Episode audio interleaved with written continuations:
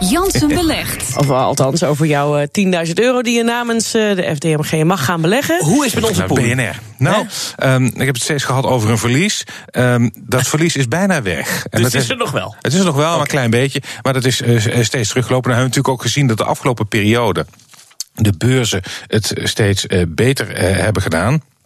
Uh, maar goed, um, per saldo staan we inderdaad nog steeds, sta ik nog steeds lager. Feit blijft ook wel dat Apple nog steeds de grote reddingsboei is.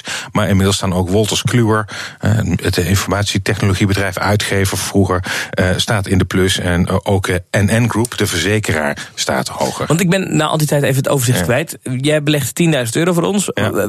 Wat heb je nu gekocht? Wat hebben we nog in kas? Hoe, hoe ziet het er nu uit? Nou, we hebben ongeveer uh, uh, zo'n uh, 5000 euro in kas. We hebben belegd in.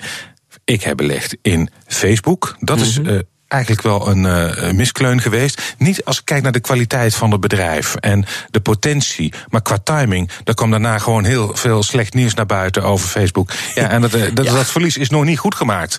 Um, he, ik denk dat het over uh, een langere periode best goed komt. Maar ja, als ik hier elke week verantwoording afleg, dan, ja, dan, dan ja, sta ik er niet goed op nee. met, met Facebook. Um, en naast die drie die dus in de plus staan, staat Facebook de, uh, flink lager. En allemaal meer of mindere mate, niet zo heel ernstig, maar allemaal nog steeds in het rood. Zijn Tencent, Chinese internetbedrijf, uh, ABN AMRO. Maar ja, dat is bijna, dat staat eigenlijk onveranderd. Dat is maar een fractie lager dan op het moment van aankoop. Ja, en ASML en uh, uh, AB InBev, de grootste bierbrouwer ter wereld. Mm -hmm prachtige zomer gehad hier in Europa. Maar je ziet dat gewoon nog niet uh, uh, terug in de koers. Dus ja. Het is bijna, uh, we staan bijna in de plus, maar nog niet helemaal. En je bent een lange termijn belegger, dus ja. je gaat niet meteen van die, uh, van die slechte spelers af? Nee, je gaat niet meteen van die slechte spelers af. Uh, of, analisten die ik spreek, die zeggen, dan maak je eigenlijk... Nee, de analisten die ik spreek, zeggen, ja, je maakt dan eigenlijk de, de, de fout die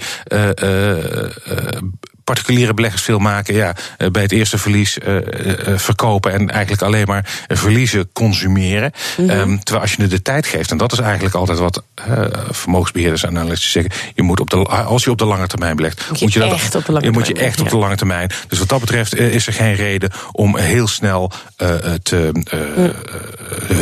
fondsen eruit te gooien. Omdat ik vind dat de die ik heb gese geselecteerd fundamenteel van goede kwaliteit zijn. Ja, kun je nog iets toevoegen? Nou, is er nog geld over eigenlijk? Ja, ja dat, dat zei ik net al. Er is nog een paar duizend euro over. Oh, ik heb ja. het gehad over um, uh, uh, food. Dat heb ik nog niet gedaan. Bijvoorbeeld Unilever of Nestlé of Danone. Die, ik vind ze erg duur. Wat ik ook nog zou kunnen doen, is wat ik uh, voorheen ook deed. Een tracker bijvoorbeeld op de S&P 500. Want relatief doen Amerikaanse aandelen het wel goed. Dus misschien dat ik dat nog doe. Dankjewel Rob.